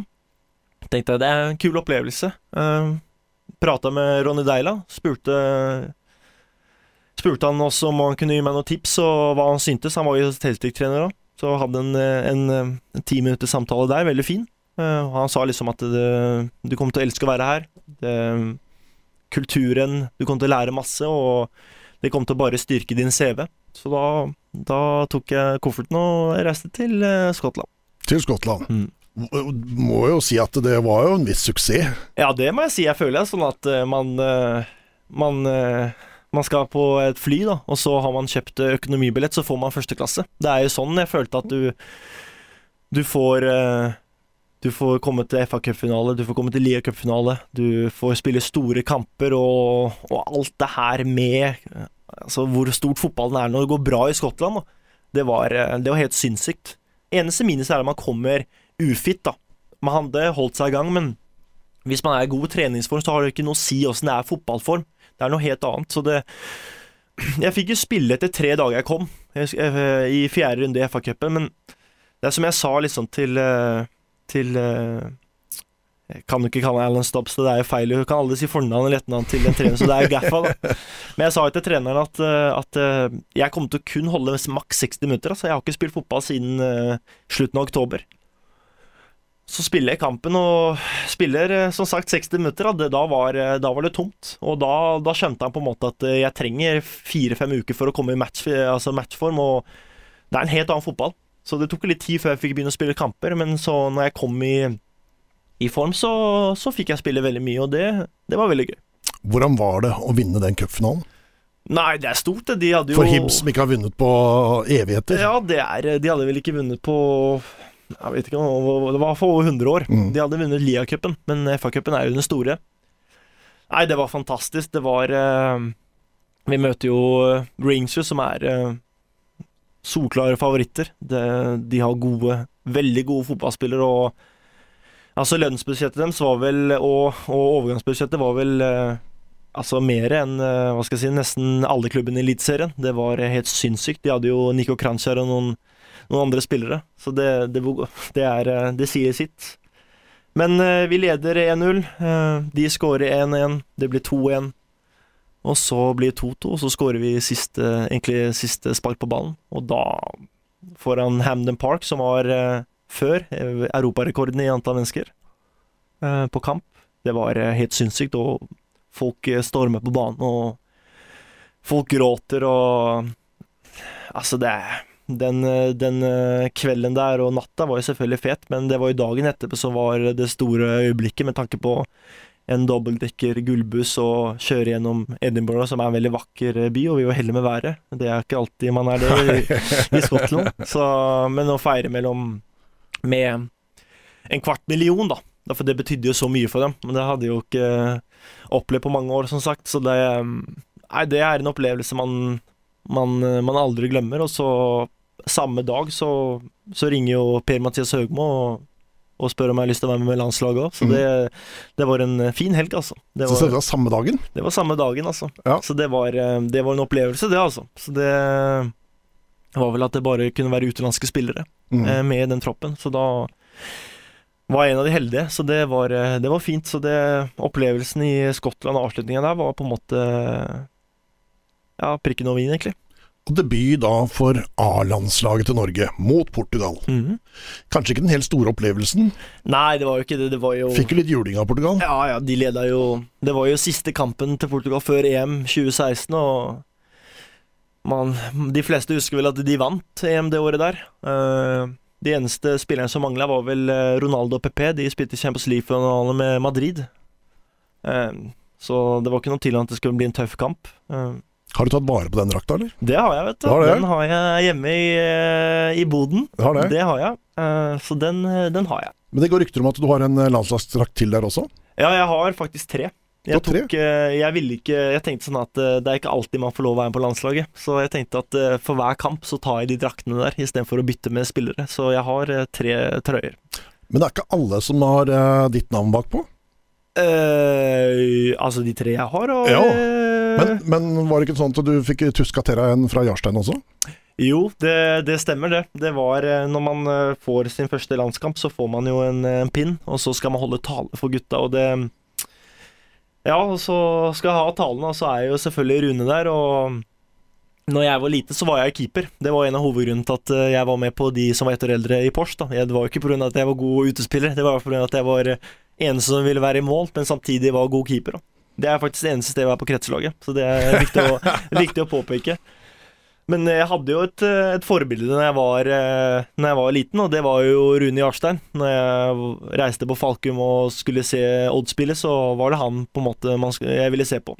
Eh, og da sa jeg i talen min at noe lignende som jeg sa til deg nå, at det, var, det er stort for meg å kunne være med en annen telemarking og min favorittspiller, liksom, når jeg var liten. Og det Jarstein er en eh, hva skal jeg si, en uh, følelseslada person, da, så han blei på en måte rørt. Og da, da ga han eh, drakta si som han brukte, og den har jeg fortsatt sammen med drakta mi. Og det, det en eller annen dag skal man få lov til å henge der opp, når man har satt, slått seg til ro og, og er godt voksen. Eh, men den er eh, trygt bevart Ja. i boden. Herlig. Jeg har også fått en landslagsdrakt av Rune. Ja. Eh, Den eh, tar jeg på meg hver gang Norge spiller. Ja, fantastisk person, og ikke minst spiller. Er du gæren? Eh, helt enig. Eh, etter Hibs så da er du ferdig med Vålinga. Da Nei, det er jeg faktisk ikke. Jeg har faktisk et halvt år igjen av kontrakten i Vålerenga. Etter Hibs så Alan Stubbs med trenerapparatet stikker til Rotterdam i Championship. De får en ny trener som heter Neil Lennon, som er Celtic-trener i dag. Eh, jeg trener med Celtic fire Nei, med Celtics, ja. Det skulle jeg ønske, men det gjorde jeg ikke. Jeg trener med Hibs fire dager. Eh, derfor jeg må hente meg noen ting fra leiligheten der. Um, Neil er eh, Det er jo EM, og jeg tror eh, Jeg vet ikke om han er fra Nord-Irland eller Irland, men det er, han er i hvert fall som ekspertkommentator pga. sitt land er der. Uh, og uh, etter, uh, etter de øktene Vi har jo assistenter enn Gary Parker, og, og, han sier til meg at Neil kommer til å ringe meg. Og, så, og det gjør han, og han sier at han vil ha meg med videre. Så jeg får jo et tilbud av, av Hibernian. Men når man har vunnet FA-cupen med Hibs, og du har vært med i Lia-cupen Du kan liksom ikke gjøre noe større. Derfor Hibs kommer til å aldri være gode nok eh, til å være bedre enn Celtic Rangers. Nå er de jo på tre- eller fjerdeplass akkurat nå, eh, i Premier League der, men, eh, men, jeg følte liksom at man hadde opplevd det man kan oppleve. Um, så jeg satte pris på tilbudet, og, og selvfølgelig at en, en trenerprofil og en fotballprofil som Neil Lenner ringer, men, eh, men eh, da takka jeg nei, og reiste til Vålerenga. Tenkte at jeg hadde en mulighet å spille de siste seks månedene, med tanke på at Vålerenga sleit på den perioden der. Eh, hadde ikke noe klar back slash stopper. Men etter tre uker så Så får jeg tilbud av Djurgården.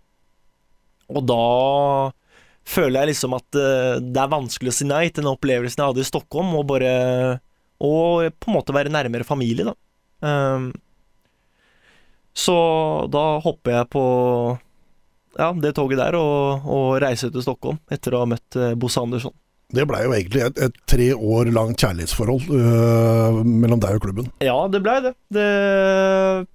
Det var øh, ja, fantastisk tid. altså. Fikk jo Mark Dempsey. Han, eh, jeg var jo første signeringa til han. Og øh, fikk utrolig mye tillit. Og det gikk uh, Altså, hvis man tenker sesong for sesong, så fikk man jo utrolig fine opplevelser. Så det var um, Det er jo uten tvil den beste tida både på banen og utafor banen, egentlig. Ehm, så det var, det var, helt fantastisk. Ja, For Stockholm, der, kler, du kler Stockholm? Ja, jeg, jeg, vil si det at, eh, at jeg, jeg, trivdes ekstremt bra der. Det er ikke mm. noe annet sted jeg tri, altså, trivdes bedre. Uh, så det, det, var bra. Og Når jeg har prata med litt kompiser og sånn av deg, så sier de at det var enormt uh, press blant damene der borte på deg. Nei, det var eh, Jeg hadde som sagt veldig godt, altså. Jeg må, jeg må si det. Nei, men eh, det var eh, Det er jo hovedstaden i Skandinavia, så vi skal si på størrelse, og det er Svenske damer som norske damer er, det er vakre damer. Så det jeg hadde Og jeg var, jeg var singel, og det er aldri noe galt da. Nei. Så da Så jeg hadde det jeg hadde, det veldig bra. Du hadde det veldig bra. Veldig bra. veldig bra. det er herlig. Du, eh, enormt stor klubb. Eh, fikk med deg et cupgull der også? Ja, gjorde det. Eh, det var vel, eh, det var vel siste, siste, året. Mm. Eh, 2018 der, ja. Eh, vinner 3-0 mot Malmö. Det gikk vel egentlig den Det er jo cupturnering, egentlig, i, litt annerledes for det er i, i Norge at det er på en måte vinn eller forsvinn. De, det første gruppespillet er jo i februar. Så det er på en måte oppkjøringa til Allsvenskan. Så da spiller man en gruppe på fire, og så går man direkte til kvartfinale. Og de syv kampene så holdt vi faktisk nullen i syv kamper, men mm.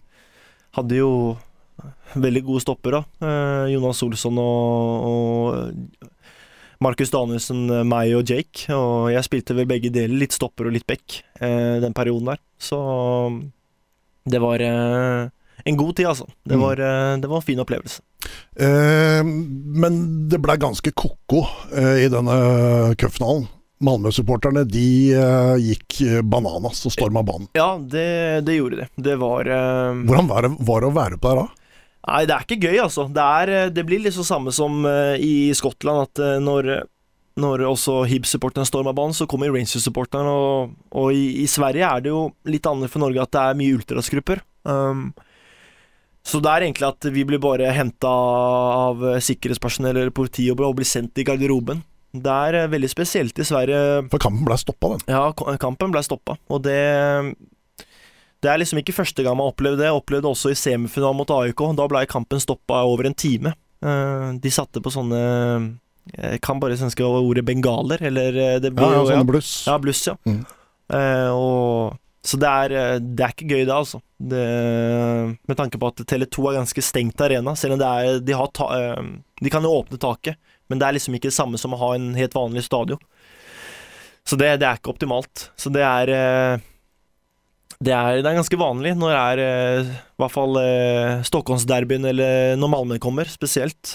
så det er ikke noe hyggelig opplevelse, Så man blir selvfølgelig litt redd. Derfor det er jo, Man vet jo aldri hva personer som står på banen som kan gjøre. Det kan jo være at man Dessverre at eh, de har uh, tatt ting som de er påvirka av, og plutselig kan gjøre noe helt en, Altså ha hodemist, da. Mm. Så det, det, er ikke gøy, men det tok jo en Etter en god stund så får man jo lov til å løfte pokalen og få, og få feira, da. Men det er, det er aldri, aldri, gøy, det. Nei. Eh, så stusser jeg litt på da, om du angra noen gang for at du takka nei til å fortsette i Djurgården? Ja, men det gjør jeg. Det, det For det virka som det var en god match?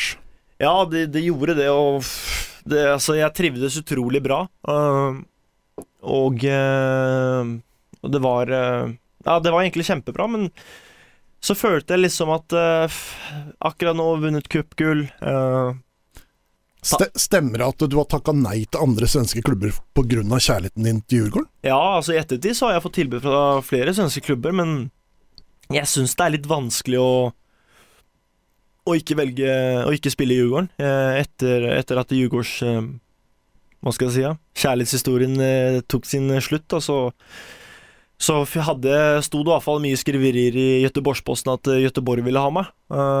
Men det var jeg, jeg, sa egentlig klart og tydelig da at jeg går ikke fra Djurgården, som har hatt det så bra, takket nei, og så godt til Gøteborg. Det gjør jeg ikke. Selv om Gøteborg er en gigantisk klubb, hvis du tenker på historie. da. Ja, Og det har jo litt rann connection til Gøteborg også? Ja, det, det, har det. Eh, dessverre, den perioden der så, så døde min farfar. Eh, og Så det var, det var veldig Altså det er en person som man på en måte prata med fem ganger i uka siden man var, uh, siden man var syv-åtte år. Uh, og da hadde man liksom ikke far og farfar, man hadde tante som, som jeg prater veldig ofte med, men det var litt sånn sårt, da. Mm.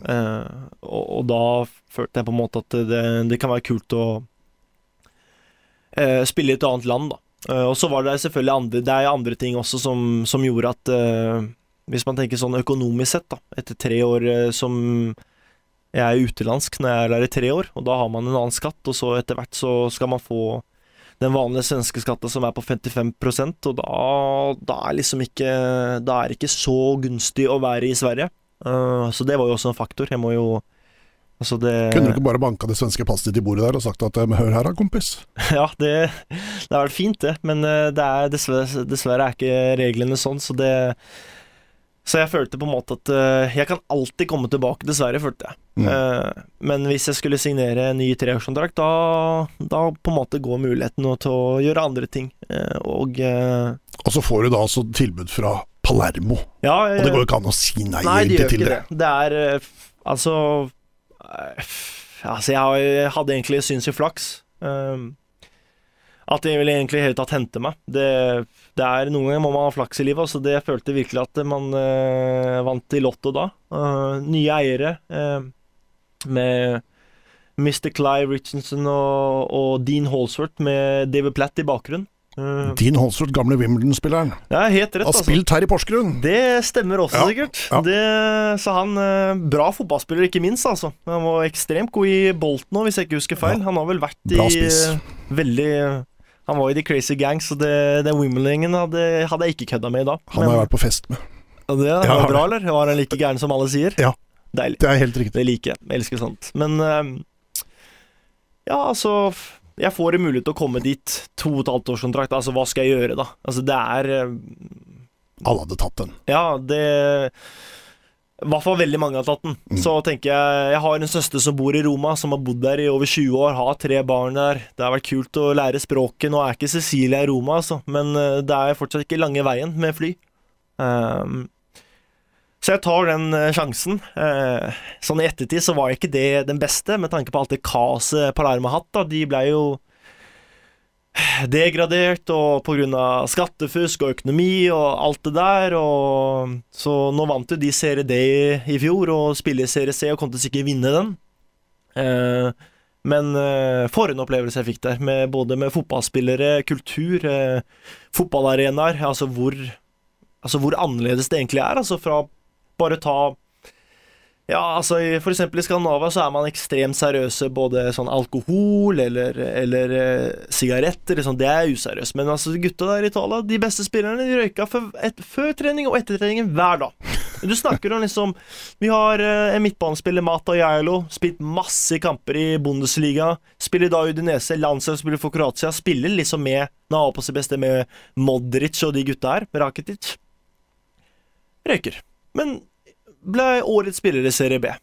Uh, nå er han skada, dessverre, men når han signa for Udinese, så spiller han fast. Da har uh, kapteinen Nestorovskij, spiller fast for uh, Makedonia. Toppspiller. Spiller også Udinese. Du har Trakowski, som er nå i Mallorca. toppspiller. Det, er, det var helt sinnssyke fotballspillere og utrolig dyktige trenere, så det var, eh, det var, annerledes, men for en opplevelse. Men det kommer dit eh, utafor sesong igjen for deg, selvfølgelig? Ja, dessverre. Du, du kom, alle klubber du kommer til, så er det jo i, ja, nå, Det er, er minuset med på en måte den skandinaviske ja. systemet. Da er jo, vi er ferdig i, eh, ja, I år var det slutten av desember, men vanligvis er det i november. Og i Sverige før var det slutten av oktober. Men litt overtenning når du kommer dit, eller? Nå skal jeg søren meg vise ja, Litt overtenning, og så er det jo Jeg hadde jo ikke spilt på, på, gress på en god del år. Selvfølgelig noen bortekamper og sånne ting, men det er forskjell fra å trene hver dag. Jeg hadde løpt bare på mølle, og da bruker man jo ikke muskulaturen på samme måte. Man er jo på stedet hvil hele tida. Kommer der, får trene. Første økta på eh, eh, Barbera, da mektig arena, landslagsarena til Italia. Uh, og, uh, men tung gressmatte. skikkelig drittvær.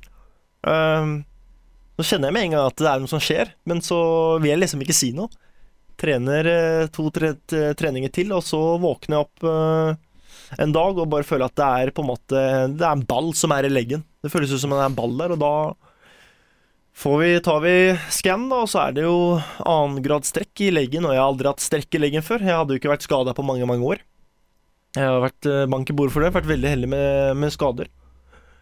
Så da er man ute i tre måneder, og da vet man sjøl at eh, Komme dit på en måte ikke fotballtrent, og så skal man ha tre dager eh, Mye trening, vel å merke, de tre månedene man har trening med med fysisk apparat, men det er ikke det samme. Og da, da, får man bare ta at eh, hvis man får sitte på benken, så skal man være fornøyd, altså. Men det var jo sånn fotballmessig med spilletid, så var det ikke noe bra. Det satt ti kamper på benken. Satt eh, de ti kampene jeg kunne sitte på benken, men eh, det var det var det, det blei så er det så mye rart som skjer, Niklas. For det, når du kommer dit, så blir du ikke presentert som spiller før tre måneder etter at du har kommet dit.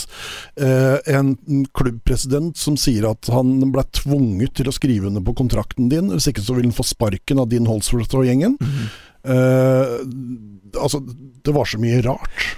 Ja, altså, det, jeg kom i en sånn Nei, Det var som å være i limbo. altså Du kommer her og er eh, superfornøyd og skriver det, og på en måte signa kontrakt og hele pakka, og så plutselig er det noen som stopper. og det man fikk høre i ettertid, var vel at uh, de, uh, de engelske eierne hadde kjøpt klubben for en sum, og så plutselig hadde de fått informasjon om at de skulle enda mer penger fra en annen, fra en tredjepart. Og, og de her italienske eierne med Nå var jo sportssjef Rino Foschi og så var det jo legenden, da, Palermo Samparini, som var Men han er jo i fengsel, da.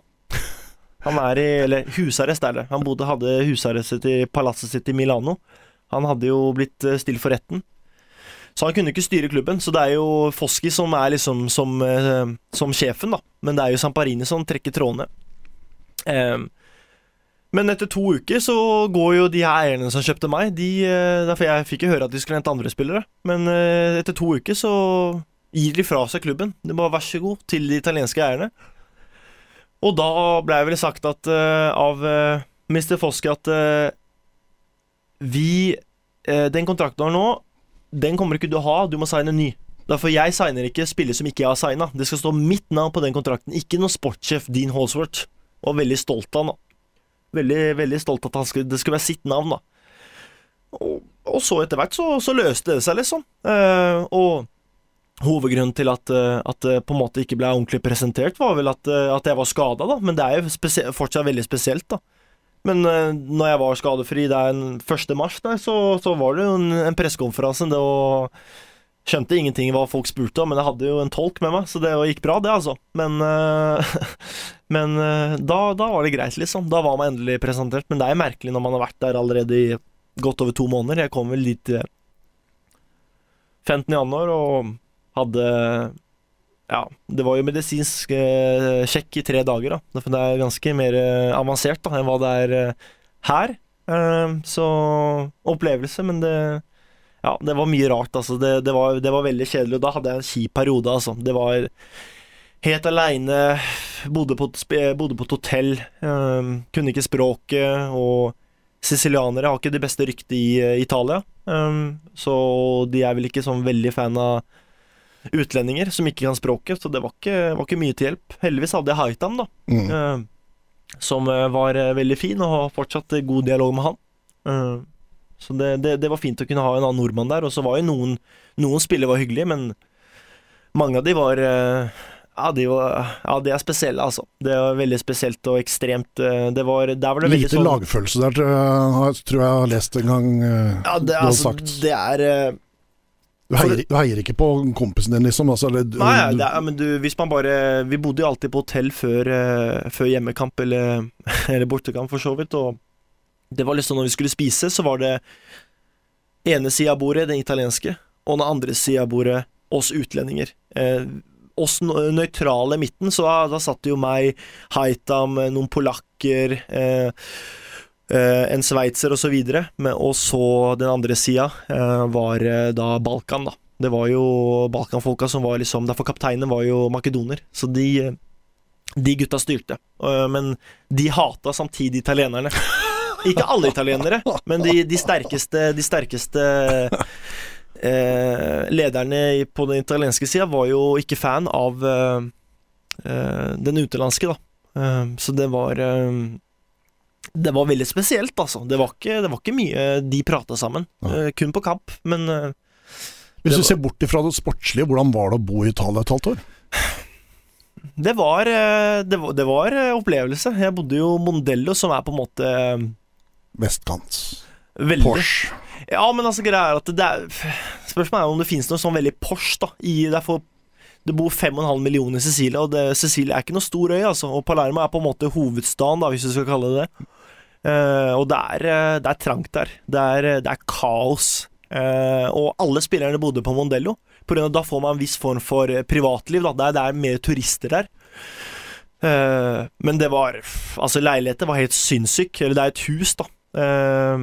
Som jeg leide av en, av en advokat, og hadde vaskedame. Og, så det er på en måte første gang i livet jeg føler meg ordentlig proff. da Du, du har liksom Du kommer hjem, det er Hele, hele huset er liksom uh, nyvaska, de vasker klær, stryker skjorter Altså, det var helt sinnssykt, altså. Uh, så det var um, Ja, det var veldig spesielt. Og, men maten er jo Det er noe jeg savner mest. At det var jo den italienske maten. Den uh, det er ikke noe som slår, altså. Det, men det var altså, sinnssyk opplevelse. Men du fikk jo ikke nyte i Cecilia som, som man tenker at du får reist mye. Det er jo en veldig vakker øy.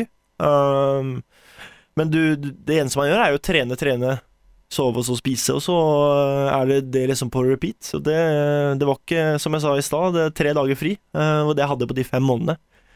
Så det var eh, Det er spesielt italienere. Det er Man tenker at de er litt sånn der bedagelige og sånne ting, men fytti katta, de, de, trener, altså. De er De trener bra, og de trener mye. Så det så Var det deilig å komme hjem til Norge og få kontrakt med Sarpsborg, da? Ja, Etter det kaoset? Altså, ja, det som er greia, at når jeg reiste fra uh, Vi jo Vi skulle jo spille opprykksfinalen til Serie A, og så På en måte så begynte det her uh, De rettssakene om at Palermo hadde juksa med økonomi, og da, da fikk jeg jo ikke spille den. Eh, men så, tre uker seinere, så kommer Foske inn og sier at nå kommer det nye eiere, og vi møtte de nye eiere de nye eierne, og virka som veldig sånne stødige og seriøse folk. Og vi henta en ny trener. Eh, hadde tidligere vært, i, A-lagstrener for eh, en klubb i Serie A, og, og, liksom man har en dialog, og man får, be, man får et, et, skjema på at vi skal reise på treningsleir til Nord-Italia. Så jeg forventa jo å reise tilbake, liksom. Eh, men så plutselig, når jeg skulle få lønn, da, så fikk jeg ikke lønn. Det husker jeg veldig godt, for jeg var i Danmark da med en av mine bestekompiser, Kristoffer Karlsen. Eh, har sommerleilighet der. Eh, og da skulle jeg få lønn 24. juni, og så fikk jeg Nei, 24. juli, så fikk jeg ingen lønn. Og når spilleren ikke får lønn, derfor da hadde jeg allerede utsatt to lønninger. Når man ikke får lønn da, da Da blir det kaos. Eh, og uka etterpå så var klubben oppløsning, så de bytta jo navn. De heter jo ikke, heter jo ikke det samme som, eh, som de, Altså, Palermo er Palermo, men det er liksom eh, de småtinga, det er ikke det samme. Eh, så det er veldig rart. Eh, og da, da måtte jeg finne klubb. Og sånn, så jeg hadde jo en synsing lang ferie, da. Hadde jo, det var bra å være i, bra å være i Norge. Tre måneder fri, det var deilig, det, altså. Jeg koste meg skikkelig. Eh, trente med Vålinga for å holde meg i gang, egentlig, før jeg skulle tilbake til eh, Italia. Eh, men så kom eh, jo Sarpsborg på banen, og også Odd kom på banen. Eh, så da Men så følte jeg at det var en kul opplevelse med På en måte, jeg har aldri opplevd å være det her nedrykksgreiene, da, utenom nå har jeg opplevd det i 2020, da. Mm. Men før det så hadde jeg aldri opplevd det. Uh, tenkte jeg det var en fin utfordring. Eh, jeg kjenner Geir Bakke fra tidligere. Dyktig trener. Tom Freddy Aune er bra. Thomas Manchin hadde godt rykte som sportssjef. Det er ti kamper igjen. Eh, man har på en måte alt å vinne, ingenting å tape. Jeg trenger å spille kamper, derfor har jeg ikke spilt kamper på, på ti måneder. Fra siste kampen i, i Djurgården. Eh, så Og det er liksom Klarer man seg? Det har aldri vært et lag som har klart seg eliteserie med, med så lite poeng. Tenker jeg det er kjempeutfordring. Og samtidig veldig inspirerende. Og de la alt til rette for meg. Sarpsborg fiksa alt veldig Veldig sånn eh, ryddig og ekstremt sånn familiær klubb og liksom ta vare på spillerne sine skikkelig, altså. Så det gikk jo Det gikk jo veldig bra. Uh, utenom det tapet mot Odd, da, når vi taper eh, 3-0 på Skagerrak. Men utenom det så gikk det bra. Slapp inn lite mål og og klarer oss i siste kampen mot uh, LSK på Åråsen. Så det Altså sånn i ettertid så følte jeg at det, det kunne ikke vært noe bedre for meg enn å komme til Sarpsborg og, og møte en sånn gjeng. Får en fantastisk eh, fin kompis som du har hatt på podkasten, Jonathan Linseth. Um, så veldig glad for det. Det var bra. Men, men hvorfor ble det ikke noe mer med Sarpsborg? Altså, det var vel egentlig at jeg sa at jeg ville til utlandet igjen. Oh, ja. um, og eh, og Sarpsborg eh, hadde jo så, Altså, når jeg kom De hadde jo fem stoppere når jeg kom dit. De hadde jo lånt også De hadde jo henta Magnar Ødegaard. Uh, han spilte jo back når jeg var der da. Uh, hadde henta en, en nederlender, Bart Stralman, som skulle ut ifra media og sånne ting være liksom stoppesjefen i, i Sarp. Men han fikk jo ikke spille. Uh, han spiller nå i Frankrike. Og så hadde jo Jørgen Horn, som var skada. hadde langtidsskade, dessverre. Igjen fått en ny skade. Eh, veldig kjedelig for han. Eh, så de hadde jo ekstremt mange stoppere, og så tenkte jeg Det var en kul opplevelse, men jeg føler liksom at eh, jeg, jeg vil prøve noe nytt, da. Eh, så det var jo egentlig den eh, den samtalen meg og Thomas hadde. Vi, vi møtte hverandre på en, eh, en restaurant ikke langt unna der han bor, og, og vi prata om det. Og, og han sa sånn at hvis du har lyst til å komme til Sarpsborg, så er du alltid velkommen. Det er bare å si ifra. Og hvis, er, eh, hvis vi har muligheter, eller om du har lyst til å komme, da, da, da er du velkommen, liksom. Hvis det funker. Um, så da blei det ikke sånn. Uh, og som sagt, jeg ville jo prøve noe nytt i utlandet. Nå endte jo ikke med det, da, for jeg valgte jo å spille i godset, men det var egentlig hovedgrunnen. At, uh, at jeg, jeg blei rastløs igjen. Uh, jeg tenkte at de tre månedene jeg var i Sarpsborg, var på en måte komme i gang og vise meg fram, og så, og så ta et annet steg. Når vi ser på fasiten i dag med korona og sånne ting, så er det vel ganske greit at du blei hjemme? Ja, og så, så tenker man sånn at uh, de tilbudene tilbudet jeg fikk i januar fra utenlandske klubber, da det, Da tenker jeg Altså, jeg fikk litt sånn der følelse av å, å komme til Italia er fett, men når man ikke får lønn, og du ikke har noen trygghet rundt det, da tenker jeg mer på hva skjer hvis du ikke får lønn? Jo, da i Norge får man hjelp av Nav, men det får man ikke hjelp av i Italia. Så det er veldig mye Og man må jo alltid betale regninger for det, liksom. Um, så jeg følte liksom Vet du hva, jeg, jeg, vil ha, jeg vil ha en form for sikkerhet. Og det, det, var, det var fint å være i, i Norge med Sarp, og tenkte jeg vet du hva, jeg kjører på med, med godset. Og, og, Og liksom Jeg, jeg gidder ikke å stikke til utlandet bare for å stikke til utlandet, det må jo føles rett. Eh, og det må jo være en, en liga, et sted som jeg kan trives i. Det er ikke bare å Hvis jeg har lyst til å stikke til utlandet, så kan man alltid gå, men det betyr jo ikke at det er en, en bra match eller en bra timing, eller om det er et kult sted. Så da, det var grunnen til jeg valgte Godset. Eh, du blir 30 år til våren. Mm. Eh, betyr jo at du har blitt en voksen mann. Ja. Eh, hva, har du noen planer for hva du skal drive med etter fotballen? Eh, altså, jeg har jo tatt en, eh, jeg har tatt en eh, bachelor i, i management. Eh, Sportsmanagement? Helt rett, ja. Eh, jeg har tatt et år med finansrådgivning. Men jeg vet ikke hva jeg skal drive med. Det har jeg ikke peiling på ennå. Jeg håper jo at man kan holde på lenge. Jeg har jo spilt med mange fotballpersonligheter som har hatt lange karrierer. Fevang, Anders Svensson, Kim Kjellstrøm, Kjetil Wæler. Altså masse bra folk. Eh, og jeg vil jo på en måte gjøre noe av det samme. Kanskje ikke være 42 som Kjetil, for han er, han er maskin. Det, der er jeg ikke, men, men eh, hvis man kan spille litt eh, på toppnivå, da, skandinavisk toppnivå, til man er 37, 38 eller 36, da, så, så gjør man jo det. Og så lenge det er gøy å spille fotball, så vil jeg jo fortsette så lenge jeg kan. og så, så nei, jeg har ikke noe planer for eh, Eller jeg vet ennå ikke Jeg kan tenke meg at jeg skal jobbe med mennesker, om det er eh, Men hva slags, om det er marked, eller om det er, eh, om det er økonomi, eller sånt, det har jeg ikke helt bestemt meg for. Men eh, det får man se på. Det blir spennende. Det blir eh, veldig spennende, så det, det Den tiden får vise. Eh, det gir vel ikke enorme odds hvis du bare går kontrakten ut i gods og finner en ny klubb etter det. Nei, jeg har gjort det før. Det, det har jo vært en, greie som har gjort. Det, men du vet, mange ganger som jeg har eh, Som jeg har gjort det, så er jeg jo også på grunn av at ikke klubben har kommet, da. Eh, Djurgården kom, eh, men da sa jeg at jeg ville vente. Eh, så jeg følte at eh, Jeg føler vel at Djurgården er på en måte den eneste klubben som har kommet ja, ni måneder før kontrakten går ut, da, som har på en måte sagt, vet du eh, Vi vil at du skal signere, liksom. Eh, altså, det eneste jeg ikke har hatt, er vel eh, Det er jo Odd. Eh, fordi at i Vålerenga så gikk jeg jo på utlån og, og valgte ganske tidlig å gå til Djurgården. Eh, I Sarpsborg var egentlig planen å bare være her en periode, og det var jo samme i Skottland. Eh, så det er jo det er sånn Når man sier at man alltid holder, det er jo på grunn av at man man eh, Altså, i Odd så var jo det sånn det var, liksom. Det, jeg fikk jo ikke noe tilbud. Det var jo bare å si at eh, vi fant aldri noe tidspunkt, det, det er tull.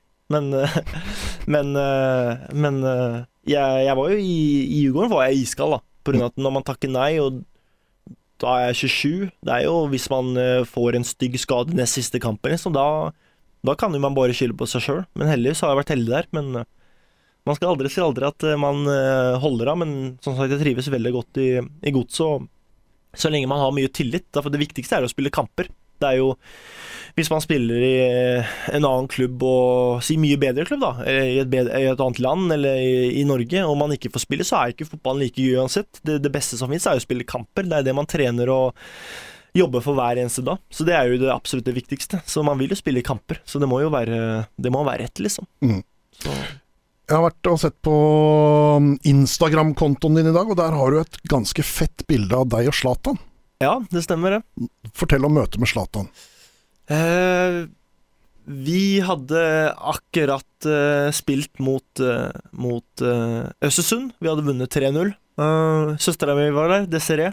Eh, og hun, vi ble enige om at eh, vi, skal, eh, vi skal stikke på et, en restaurant i, i, eh, på Stureplan. Jeg hører fra Isaksson og Kim at de skal også kanskje dra. At de skal møte en en bekjent av dem, da. De vil jo ikke si navn. men at vi skal være på samme sted, da. Det, og de vet jo sjøl at hvis det er en jeg er fan av, så er det jo Zlatan. Så de sa at jeg kom til å få en overraskelse der, liksom.